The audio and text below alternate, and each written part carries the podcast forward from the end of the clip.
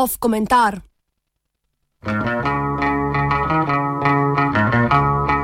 Quo vadis laboristi?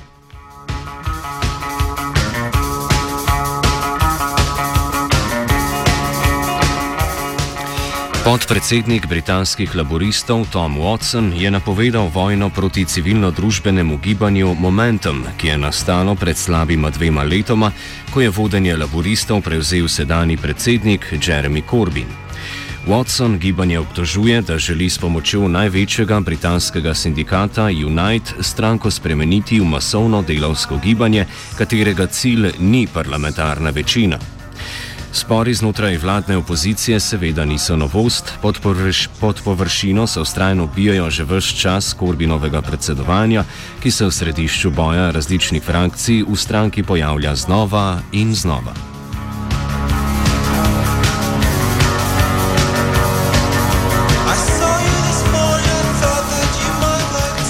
Laboristi so se spričo negotovosti Brexita in jukipizacije konzervativne stranke znašli na točki zgodovinske nepriljubljenosti. Za primer naj nam služijo rezultati dveh februarskih lokalnih volitev v laborističnih okoljih. V industrijskem mestu Stoke-on-Trent so laboristi uspeli zadržati sedež, a izgubili sedež v okrožju Copeland, ki je bilo laboristično vse od svojega nastanka.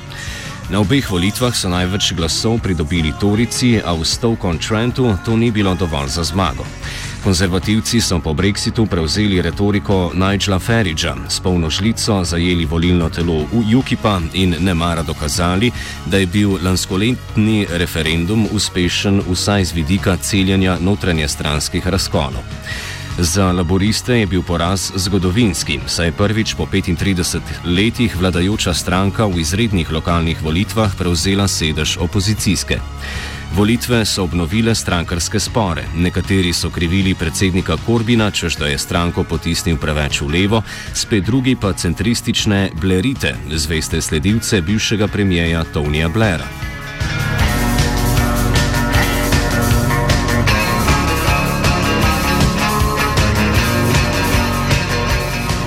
To vrstne analize pa spregledajo širšo krizo sistema parlamentarne zastopanosti.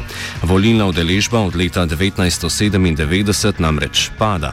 Manjša volilna udeležba je najbolj prizadela prav laboriste, ki se zanašajo na glasove mladih, deprivilegiranih manjšin in delovskega razreda. Nezmožnost nastavljanja starejših voljivcev, ki ustrajno večinsko volijo konzervativce, doda k že tako težkemu položaju laboristov.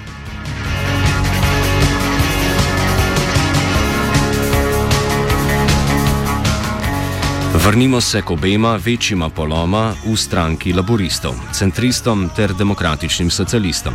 Velja se obregniti ob dejstvo, da so tako imenovani bleriti oziroma desni pol laboristov večkrat premagana politična opcija. Blair kot največji uspeh Margaret Thatcher je v koncu 90-ih pod zastavo New Labour zmagal centristično politično platformo socialnega liberalizma, ekonomskega neoliberalizma in oddaljevanje stranke od delovskih korenin. Uspehe to vrstne politike je po katastrofi, ki je bila iraška vojna, nadaljeval konzervativec David Cameron. Slednji je skoraj identično platformo zmagal na volitvah 2010 in 2015, medtem ko je javnost dala jasno nezaupnico desnemu polu laboristov. Konzervativci so tako uspešno nagovorili center britanskega volilnega telesa in pahnili blerite v pozabo. Ti pa so na zadnjih dveh volitvah stavili na milejšo obliko konzervativne stranke in se tako vnaprej obsodili na poraz.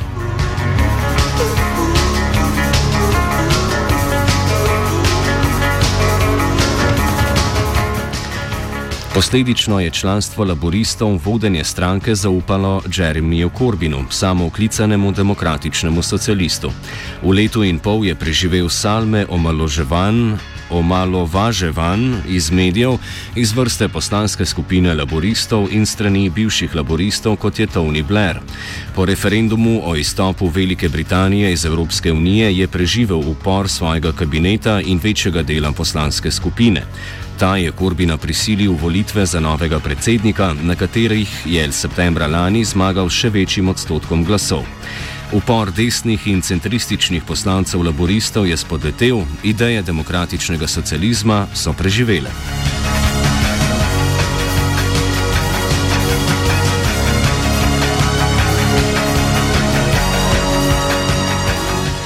A po letu in pol predsedovanja se zdi, da si podporniki ne morejo zatiskati oči pred dejstvom, da je spodletelo tudi Jeremiju Korbinu.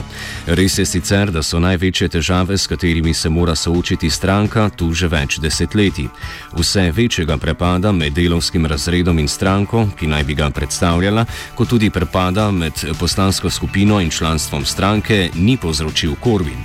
Še pred predsedovanjem slednjega je priljubljenost stranke drastično padala, med drugim drugim tudi zaradi izgube Škotske. A ti trendi so se za časa Kurbina zgolj nadaljevali. Demokratično-socialistični kandidat bi se v vsakem primeru moral soočiti z desnim polom stranke, prav tako bi se moral spopasti z gonjo medijev. To so preizkusi, ki jih Kurbin in ekipa niso prestali.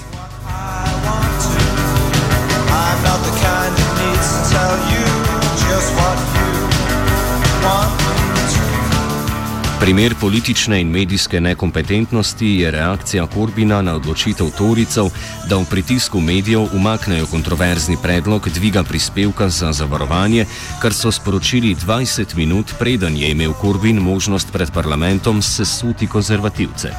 Namesto tega je obtičal pri vnaprej zastavljenih vprašanjih, ki niso predvidevala umika predloga.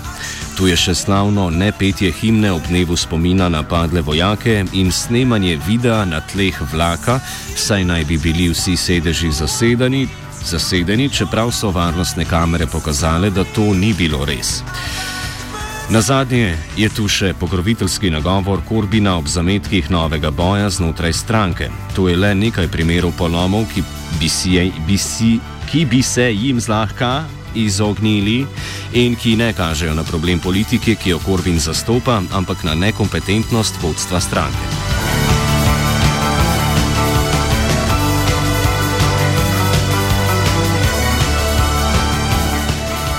Podpora stranki ustrajno pada v času zgodovinske krize javnega zdravstva, nadaljevanja turijskega varčevanja in brexita, pri katerem laboristi niso sposobni upravljanja naloge vladne opozicije. Sedaj, ko se v Westminsteru sušlja o morebitnih predčasnih volitvah, se boji za oblast znotraj stranke ponovno poglabljajo. Tako stranka kot gibanje Momentum se borijo za najboljšo podobitev Monty Pythonovskega razkola med The, Judeas, The Judeas People Front in People's Front of Judea.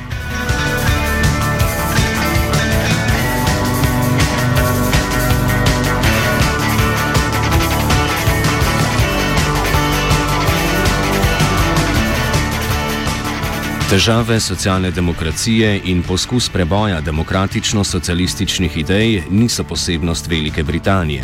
Na obzorju ni videti rešitve eksistencialnih in političnih problemov stranke, prav tako pa je če dalje bolj jasno, da kompetentne rešitve ne nudi Jeremy Corbyn. Logična posledica trenutnih bojev bi bil razkol stranke v centristično in demokratično-socialistično, ki pa bi bil v trenutnem volilnem sistemu poguben. Ne na zadnje so ti isti laboristični boji v 80-ih za 15 let pahnili laboriste v pozabo. Prvotni plan Kurbinove ekipe ob njegovi izvolitvi je bil, da leto ali dve pred volitvami 2020 prepusti vodstvo voditelju, ki bo vodil na podlagi izkušenj preteklega vodstva. Čas je, da Jeremy Corbyn žezlo demokratično-socialističnega boja preda nekomu sposobnejšemu.